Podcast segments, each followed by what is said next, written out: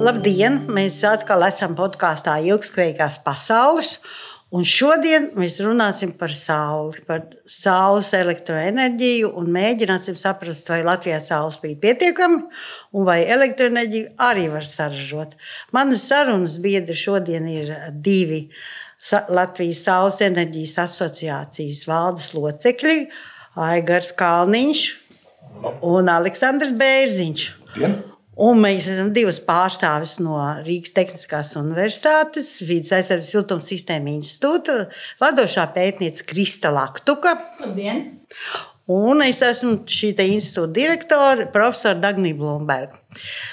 Tā tad, jautā, tad ļoti bieži, nu, gadus piecus vēl atpakaļ, sabiedrībā bija ieskats, ka vai tad pie mums spīd saule un var sažot elektroenerģiju. Tad pirmais jautājums ir, ir vai mēs varam nedaudz pakavēties, kā mēs Saules enerģijas asociāciju dibinājām. Taču, Aleksandra, tu kā iniciators, tev ir, ir sava veida interesanta pieredze par to, kā tas izskatījās. Jā, es, do, es domāju, tur varētu iztaisīt garo versiju un īso versiju, bet skatoties uz to, cik daudz mums šodien ir laiks dots, es taisīju, izstāstīšu to īso versiju. Saules enerģijas asociācija ir dibināta 2009. gadā. Um, man liekas, tas bija oktobrī, tā kā mēs jau labu laiku eksistējām. Toreiz, kad mēs uzsākām, tad mēs bijām tādā uh, sākotnējā stāvoklī, ka mums vēl nebija pietiekoši daudz dati uh, vai vispārīgi uzstādītās jaudas, lai mēs varētu diskutēt par to, cik liederīga uh, saules enerģija var izmantot Latvijā. Bija pietiekoši daudz literatūras, simulācijas programmas, kas liecināja par to, ka izmantot var. Un par tiem gadiem Mēs esam pieauguši, mums ir ļoti pietiekami daudz eh, labi, pozitīvu eh, sistēmas uzbūvēts, priekšmēru un eh, dati faktiski tā, ka viņi apliecina, ka Latvijā pietiekoši labi var izmantot saules enerģiju. Turklāt vidējais caurmērs ir nedaudz labāk pat vai līdzīgs Vācijai. Un mums ir pietiekoši daudz datu savākt, lai to var arī apskatīties vairāku gadu griezumā. Un, eh, jā, Kā, nu, tā... Palepojas ar izaugsmi. Nu, ar iz... Izma, izaugsmi tādā ziņā, eh, ir īpaši pēdējos gados, ļoti eh, pozitīva, ka mums ir tā tendence, ka mums dubultojās katru gadu uzstādītā kapacitāte. Pašlaik Latvijā ir uzstādīta 21,1 megawati. Pirms gada tie bija tikai kaut kur pie 10 vai 11. Vai Un, tā kā faktiski tas ir labs rādītājs, ja padomā par to, ka tas viss notiek ar ļoti maz vai eh, minimālu atbalstu vispārīgi. Bet, bet, ja mēs runājam, ka tas ir labs rādītājs, tad uh, Kristūlīt izstāstīs, cik ir uh, Lietuvā un Igaunijā. Un tad viss ir salīdzinājumos, vai ne? Uh, viņi, nu jā, teiksim tā, um, te, te jāsaka viena lieta uz, uz Eiropas Savienības skālas. Mēs esam drīzāk pēdējā vai priekšpēdējā pozīcijā, tā kā tur īsti ko lepoties nav tādā ziņā. Mūsu Baltijas kaimiņi ir vairāk soli uz priekšu. Um, bet tas nenozīmē, ka mēs tur nevaram nokļūt. Ja? Ļoti labi. Kristā aiziet ar datiem. Mums ir dati par 2019. gadu, kas saka, ka Igaunijā ir uzstādīti virs. Ne, ap 70, virs 70 megavatiem, un Lietuvā virs 100 megavatiem. Bet tie 19. gada dati, kā es saprotu, ļoti strauji pieaug tas apjoms, jo 19. 19. gada datos Latvijā ir 3 megawati uzstādīti. Tā kā jūs minējāt krietni lielāku skaitli jau, uh, tad es, kā jūs komentētu šos skaitļus? Vai jums ir aktuāli dati? Jā, aktuāli dati bija. Es, es biju sagatavojis un pat kā vēl sazinājos ar saviem kolēģiem no, no Igaunijas un no Lietuvas. Un izrādās, ka Lietuvā tagad ir uzstādīti 220 megawati, un, un Igaunijā pat 460, un tur vēl 50 megawati nav pieskaitīti, kas gaida uz tīkla pieslēgšanu. Tā kā ļoti daudz ir noticis pēdējos gados. Um, tur ir vairāk iemeslu, un uh, viens no vis, vis, visforšākajiem iemesliem uh, ir, ir tas, ka vienkārši tās tie, tie izdevumi uh, saules enerģijai uz vienai uzstādītai sistēmai ir kļuvuši finansiāli ļoti attraktīvi. Es domāju, tas ir viens no galvenajiem mērķiem. Nevis galvenajiem mērķiem, bet galvenajiem iemesliem, kāpēc ļoti strauji ir attīstījies tieši pēdējos gados. Bet par megavatiem runājot, var iedot kaut kādu salīdzinājumu, piemēram, nu, teiksim, 460 megawati. Tas ir, kā tas izskatās, piemēram, tec, nu, Rīgas tecu, piemēram, virzienā. Um, Lūdzu, precizējiet jautājumu, vai uz kuru pusi. Tā tad jautājums ir cilvēks, nu, megawati, megawati. Neviens īsti nesaprot, ko nozīmē megawats. Varbūt, ka megawats nav pareizā mērvienība, ka, ka ir jārunā par megawatu stundām tomēr. Nu jā, megawatu stundām, par megawatu stundām arī mēs varētu runāt, teiksim, ja mēs Eh, vienkāršākie. Nu, tas ir kā kuram loģiskā veidā. Bet, ja mēs runājam par mājasemniecībām, tad vienam otram ir interesanta kilovatstundas, ja, respektīvi parastais starptautiskais uh, efficiency rādītājs ir tas, kā uz katru uzstādītā kilovatu var tik un tik daudz kilovatstundas gadā saražot. Latvijā mēs rēķinām, uh, un droši varam rēķināt ar 900 kWh uz vienu kilovatu gadu laikā. Kad varēsim tūkstoti? Un tūkstotis. nu, teiksim tā, mums ir, es domāju, ka. Es ceru, ka mums kaut kad būs uh, uzstā, kopīgā uzstādītā jau pie gigabatu, un tad mēs varētu runāt gadu laikā par vienu teravatu stundu. Un tad mums būtu kaut kāda, nu, ja es nemaldos, uh, Latvijas patēriņš ir 8 teravatu stundi. Ja, tas būtu tomēr ļoti spēcīgs rādītājs, bet loģiskā veidā līdz tam laikam vajag vēl uh, Eh, risināt dažas citas lietas, vai tīkls tādu jaudu var uzņemt. Un, ja nē, ko vajag darīt, lai tā varētu. Tagad es jautāšu Aigaram. Pietiek tev stāstīt par šīm lietām. Es, es jautāšu jautājumu par. Tātad es esmu individuāla mājas īpašniece, un es gribu uzstādīt, un tas tagad kļūst ar vien populārāks. Es gribu kaut ko uzstādīt uz savu jumtu no saules PV. Vai Tu vari izstāstīt uh, to, uh, tātad, cik man ir jāuzstāda, kā, kas, kas man, kā man tagad rīkoties un kā man saprast, ka, lai es varētu iekļauties visās Latvijas tajos dabūtos Latvijas megavatus arī augšā. Katrs mēģinām stādīt, izstāst lūdzu to, to, cik man stādīt, kāpēc man tā stādīt un kāds ir tas domgājiens. Jo tagad tikko faktiski uh, Aleksandrs pieskārās arī energoefektivitātes jautājumam. Bet, uh, ar šīs dienas tehnoloģijām, ko es lieku savas privātmājas jumta? Tas pats, pats vienkāršākais paņēmiens vai visoptimālākais variants ir tā, ka sākumā mēs skatāmies uz elektroenerģijas patēriņu un skatāmies uz elektroenerģijas gada patēriņu. Piemēram, ja jums ir mēnesī elektroenerģija 200 kWh patērēt, tas nozīmē, ka gadā jūs patērējat 2400 kWh. Ja šo skaitli izdalām ar, ar tūkstoti, tad šādu, šādu lielumu elektrostaciju ir ekonomiski, ekonomiski izdevīgi uzstādīt, jo viņa 2,5 kW stacija gadā saražos apmēram 2400 kWh, un jums, jums būs principā patēriņš pret saražoto būs balansā. Un tas iegūms ir tāpēc, ka Ziemas mēnešos viņi ražo mazāk, vasarā ražos vairāk. Un jūs eh, noslēdzot līgumu, jūs varat šo staciju darbināt neto, neto uzskaites pēc neto uzskaites principa. Tas nozīmē, ka vasarā saražoto lieko enerģiju jūs nododat uz priekšu, uz nākamo mēnesi, un ziemā viņu iztērējat. Un eh, tas eh, neto uzskaites principā norēķina vai pārskata periods ir uh, 30. mārts. Tas nozīmē, ja uz 30. martu jūs esat saražojuši vairāk nekā patērējuši, tad uh, vienkārši šis patēriņš nonulējās. Un tādā veidā viņš uh, automātiski maisaimniecībām regulējās šis optimālais uh, elektrostacijas lielums atkarībā no patēriņa. Man uzreiz ir jautājums, ja drīkst. Tad, kā sanāk, jūs minējāt, ka tas pārnesās tikai uz nākamo mēnesi? Nu, nevis gadu nākamo. Bet vai ir tā, ja man, piemēram, uz jumta ir saules paneļi, kas ražo elektroenerģiju, vai es varu vasarā uzkrāt priekš ziemas? Jā, bet līdz 30. martam. Ah.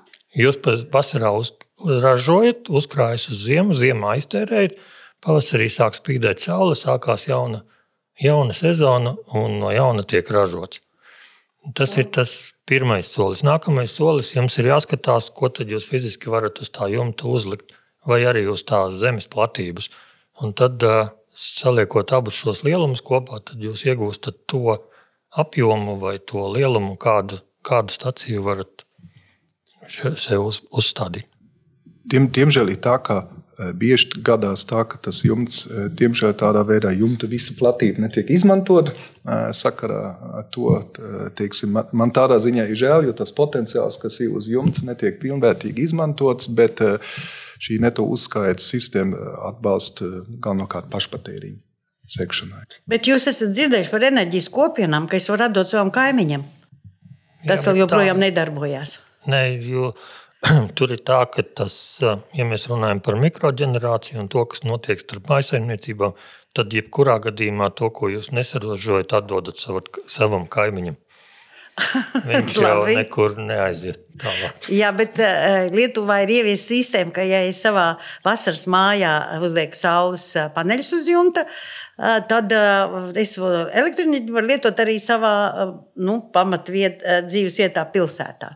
Vai tas, uh, tas ir uh, interesanti un Latviju vajadzētu iet uz to? Jā, šobrīd ten, šāda tipa regulējums ir nu, gatavots pieņemšanai vai izskatīšanai divas, divas būtiskas lietas. Viena ir, kā jūs minējāt, par to, ka apvienot vairākus īpašumus un, un, un tad saņemt.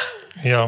Elektroenerģija man visos jā, bet, īpašumos, jā, visos īpašumos no viena avota. Bet, nu, bet tur jāņem vērā, ka šie pārvades un sadales izdevumi vienalga būs, būs tikai nu, joprojām šī elektroenerģijas cena. Nu, nu, un otrs ir, kas ir sakarā ar Eiropas regulām un, un, un rekomendācijām, tad tiek virzīts šis kopienu jautājums. Jo sarežģīti ir tur, kur kopiena ir piemēram daudz dzīvokļu māja, tad, ja viņa ja ir sarežģīti sadalīt šo kopā saražoto elektroenerģiju starp dzīvokļiem, ja katram dzīvoklim ir sava uzskaita un savs līgums ar sadalījuma tīklu, piemēram.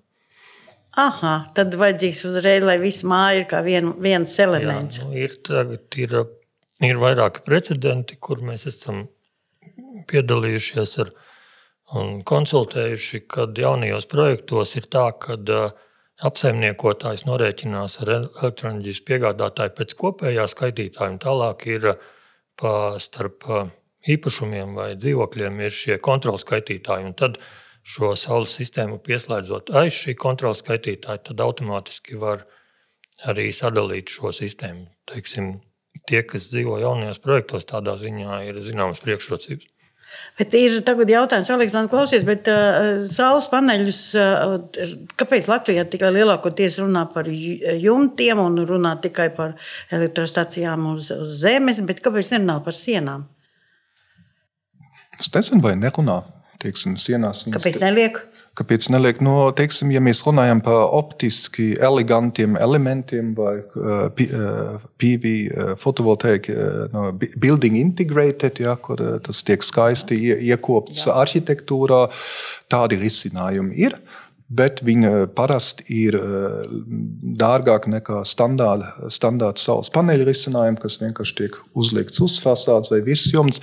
Tādas lietas eh, ir, viņas attīstās, bet eh, viņas ir parasti nedaudz dārgākas. Ja? Bet eh, es nezinu, man liekas, ka samaram bieži runā. Un, ja, bet lietām, efektivitāte iznāk zemāk. Efektivitāte iznāk zemāk, bet tas ir atkarīgs no kāda, kāda veida mm, paneļa vai kāda, kā, kā, kur, kāda tehnoloģija tiek izmantota. Ja tie ir tādi, kuriem ir vajadzīgi pēc iespējas daudz saules gaismu, lai viņi iekļūst telpā, tad tās šūnas, ja tas ir vismaz kristāliskās šūnas, viņi tiek mm, nesanāk tik, tik cieši kopā. Tur ir lielāks atstaps, lai saule nāk telpā iekšā un loģiskā veidā tā kopīgā efektivitāte to zūd. Ja. Bet arī leņķis taču ir. Leņķis ir, ir, ir, ir vertikāli, jā, tas nav, nav tik efektīvi. Tomēr Latvijā ideālākais leņķis, ja grib gadu laikā maksimāli saražot elektrību, tad ideālais leņķis ir kaut ko 37, 38 grādi. Ja. Vertikāli ir interesanti tikai pašos ziemas mēnešos, kur mums tās dienas tā vai tā ir tik īsa, ka tā faktiski tā, tā bilance nav, nav tā labākā. Bet tas nenozīmē, ka viņiem nevar. Kamēr tā nav ziemeļa fasāde, to, to mierīgi var izmantot realizēt, ja, skaisti objekti, nu, smukāk vien, viens, vien, vien, vien fasāde saules paneļiem nekā kaut kāds pelēks betons, kas neko Jā, nedara. Dekoratīvi. Bet, bet tā aigar, tie, tie saules paneļi, kas ir kā koncentratori un liek, vēl piedevām griežās līdz saulē, Latvijā kaut kur ir? Nu, par koncentratoriem es nezinu, bet tie, kas griežās līdz šobrīd, no nu, tādā ideja līmenī mums ir zināmi divi projekti, kur investori domā izmantot šo sistēmu. Šobrīd konsultējās ar tuvākajiem kaimiņiem, kas jau ir izbūvējuši, jo līdz šim tā problēma bija tāda, ka šīs sistēmas, kas seko līdz saulē, vienmēr ir bijušas vairāk kaut kur uz dienvidiem, un tie rādītāji, tie ekonomiskie rādītāji, kas Nu, tie ieguvumi nav salīdzināmi īsti ar mums. Tagad šobrīd ir, ir tuvākie kaimiņi, ir lietuvieši. Viņi ir uzstādījuši kopējā jauda ir 5,5 megawati ir uzstādīts, un 2 megawati šobrīd uzstāda. Viņiem ir projekts uh, Ukrainā, divi projekti Lietuvā un projekts, projekts Polijā. Un šobrīd mēs nodarbojamies ar tādu nu, Tas vecākais projekts jau ir trīs gadus, un, un teiksim, tiek pētīts tas. Bet kāda efektivitāte ir? Ir augstāka ir, efektivitāte ir augstāk, tiem, kas griežas līdzi? Ir, tam parkam ir apmēram, nu, tā vienkārši runājot, apmēram 15% augstāka efektivitāte. Tomēr. Jā, bet tas ir uz sistēmām, kas ir austrumu rietumu. Nu, respektīvi, paneļi seko saulē vienā plaknē. Mhm. Es tieši gribēju tam ekspertiem jautāt, jo faktiski man vienmēr palīdz bijis atmiņā, ka ir tomēr daudz e, papildus darbs ar, ar, ar regulējumu, ka tie, tie elementi, kas griežās, bieži jāpārbauda un jā, jāpieregulē, un ka, tās, nu, ka tā kopīgā bilance tomēr nav, nav tik daudz labāka nekā. Jā, nu, tur ir tā, tā, tā mūžīgā, mūžīgais jautājums, tā investīcija pret to atdevi. Ja jūs Ja jūs būvējat klasi, saules parku, kas ir um, tādā klasiskā izpratnē, tur viss ir statisks un visu to var monitorēt attālināti, gan vadīt, gan uzraudzīt. Tas nozīmē, ka tur cilvēku resursi nekāds nav nepieciešams, izņemot gadījumus, ja ir kādi defekti, bet viņi ir nu, parasti ļoti reti. Savukārt, ja ir uh, šādi tipi parki, tur jau ir nepieciešams nu, kaut, kāda, kaut kāda uzraudzība. Bet tur atkal ir jautājums par apjomiem. Ja mēs runājam par, par nu, vairāku megawatu parku, tad tie 15% ir vērā ņemams, vērā ņemams pienesums, lai tur teiksim, nodrošinātu šo personālu, kas viņu pieskata. Labi, tagad mēs Kristā atkal atgriežamies pie tā pētījuma, un jautājums ir par to, uh, Tad tu izpētīji Ziemeļvalsts, izpētīji Baltijas valsts un, un uh, izpētīji tieši likumdošanu un, un uh, cik ilgā laikā ko var uzbūvēt. Kāds ir, kāds ir tavs galvenais secinājums, kas mums pietrūkstās Latvijā? Tas man būtībā būtu jājautā mums uh, šos, šīs dienas viesiem, bet tas, tas, kas man pārsteidz visvairāk, ir tas, ka mūsu, tas ir Baltijas valsts administratīvās procedūras, neatšķirās ne ar ko praktiski no Lietuvas, Igaunijas un arī no Ziemeļvalstīm. Mēs pētījām tieši Somiju, Zviedriju un Norvēģiju, bet viņiem tās jaudas, kas ir uzstādītas, ir krietni lielākas.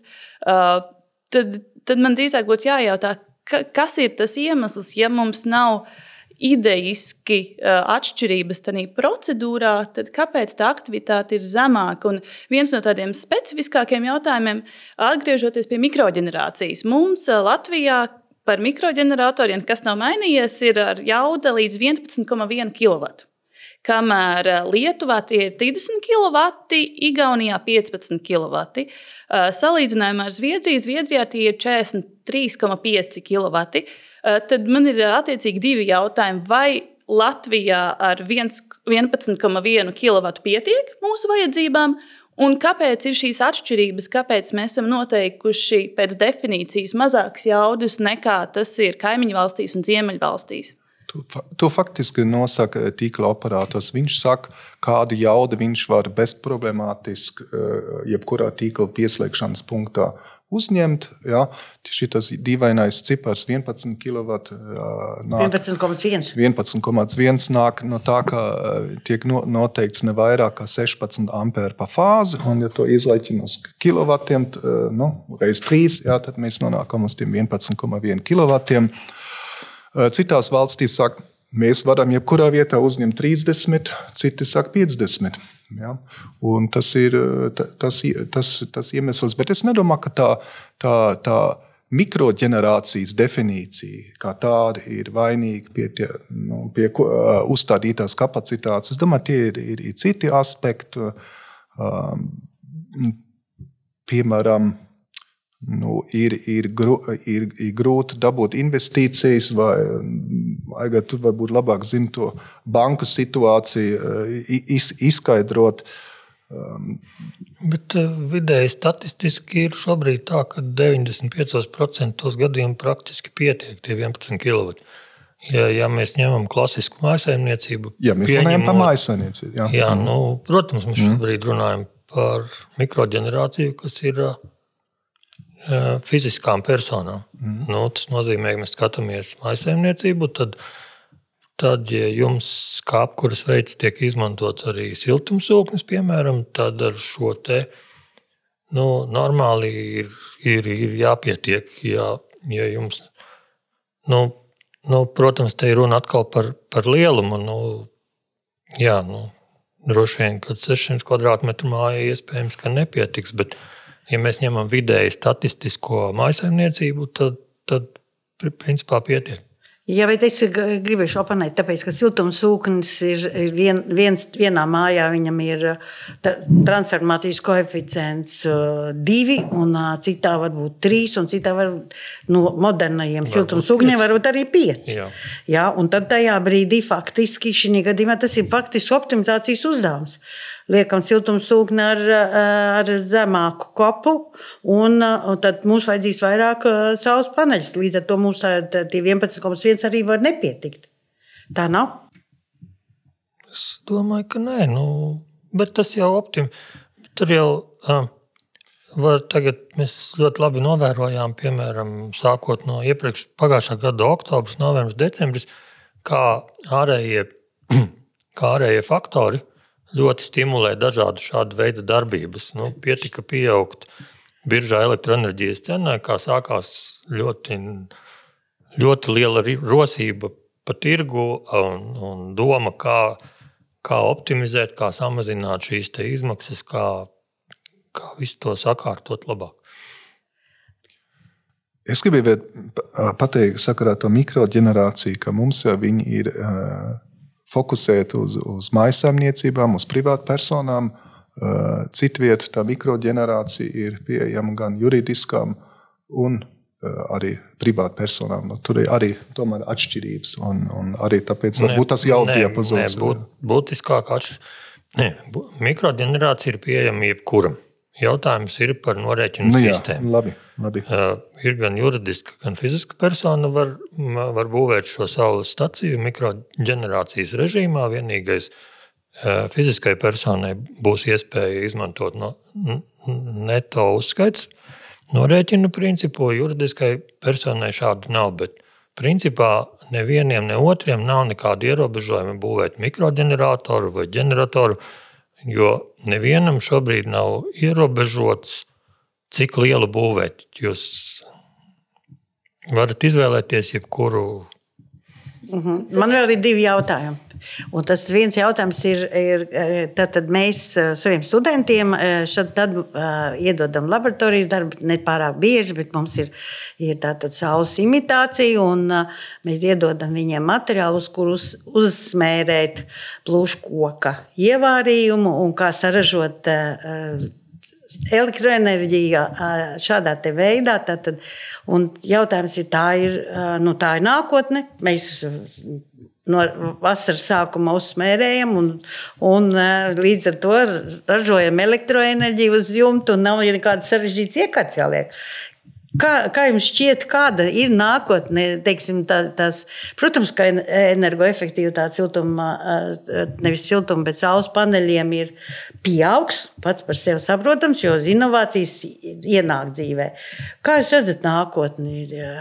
Teiksim, šī gadījumā tieši to, kā attīstīsies saules paneļu energoefektivitāte paaugstināsies. Nezinu, vai mums tur ir vienāds viedoklis par to. tur jau kats, katram ir, ir sava versija. Es vienkārši domāju, ka e, e, efektivitāte, es domāju, tur um, milzīgas brīnums. Es domāju, ka mēs nesagaidīsim. nesagaidīsim. Es domāju, ka nē, varbūt, varbūt teiksim, es, es domāju, no, vismaz no saules paneļa vai no šūnu materiāliem, es domāju, ka tur nekas. Bet tie paši 20% mm, vairāk. Nu, ir jau vairāk viņi, jā, bet ir jau vēl citas iekārtas, ko var uzlabot e efektivitāti. Tā kā es domāju, ka definitīvi būs kāpums. Bet vai viņš būs tik milzīgs, tas ir tas jautājums. Jā. Es domāju, ka vienkārši jāturpina pēc iespējas atrast labs risinājums, kā viņu efektīvi izmantot un tikt uz priekšu ar citām. Nu, arī, arī, arī lielām stācijām, kas Latvijā pašlaik tomēr ir pārāk maz vēl. Aigar, tev saka, rīč šis viedoklis. Nu, ģenerālās līnijās, jā. À, labi. nu. Tad man ir, ir vēl viens jautājums par ekonomiku. Tā tad ir visādi mīti. Ir tādi, kas tik līdz saka, saules panelis, ko jūs, ko jūs tie ir 20 gadu atmaksāšanās laiks, tur taču vispār nav ko runāt par tas muļķības saule pie mums spīd maz un tā tālāk. Reāli tavā piemērā, kad tu teici, jā, sarēķinam, cik gadā patēriņš, un visu to mēģinām tikt skaidrībā ar elektroenerģijas patēriņu un ko stādīt augšā. Tiklīdz pieaug patēriņš, tā tu vari pielikt papildus paneli.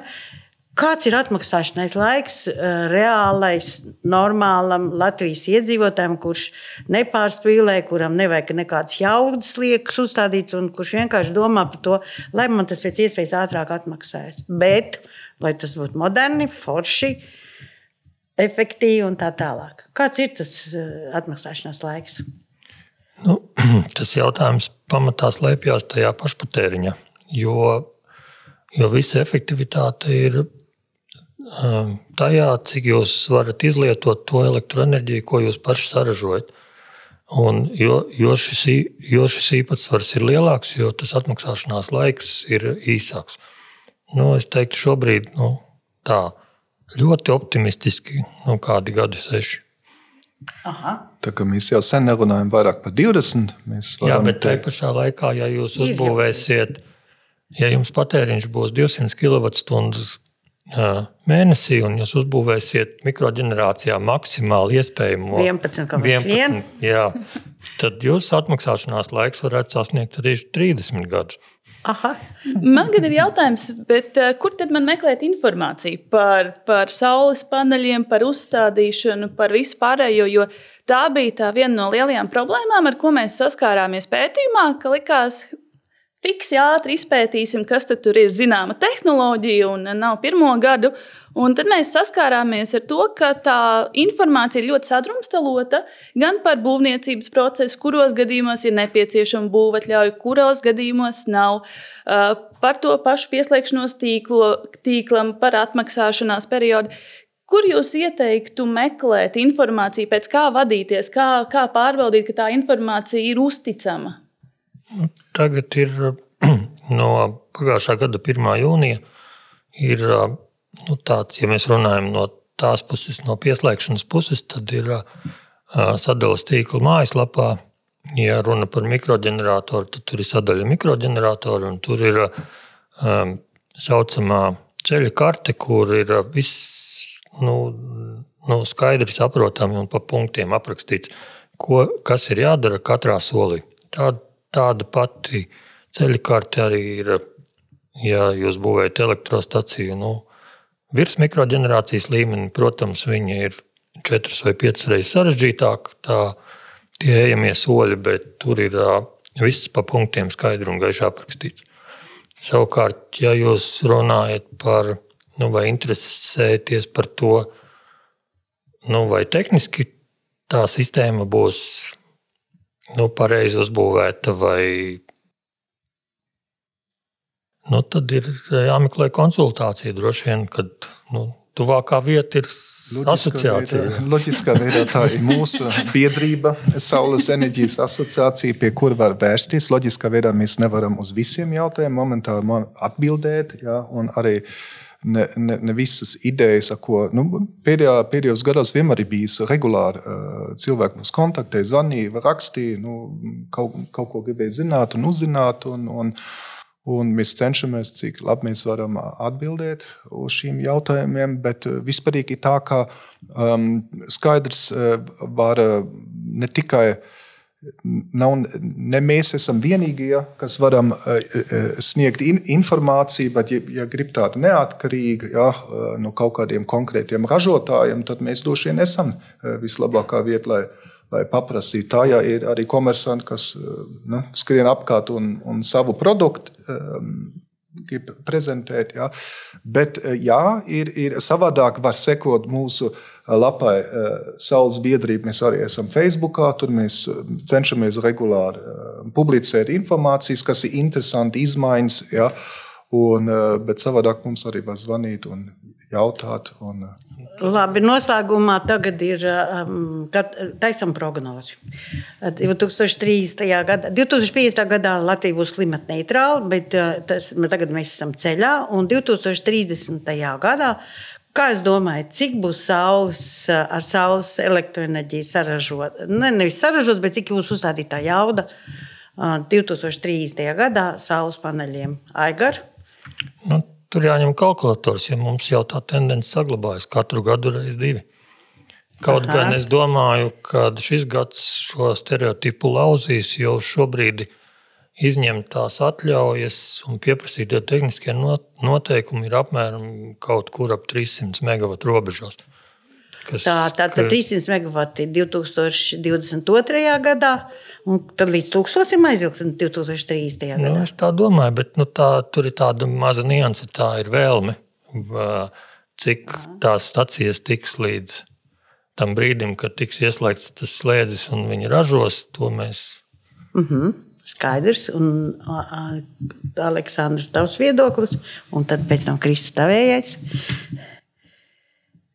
Nu jā, es loģiskā veidā kaut kā piekrītu Aigaram. Es domāju, ka es baigi, es saku, es no tā gigavata negribu īsti atkāpties. Aha, un, un, un es ceru, ka tas būs tehniski arī iespējams. Es domāju, pēc ātruma ziņā tas būtu izdarāms. Nu, tā būvniecības procesa ziņā, bet loģiskā veidā jāskatās, cik.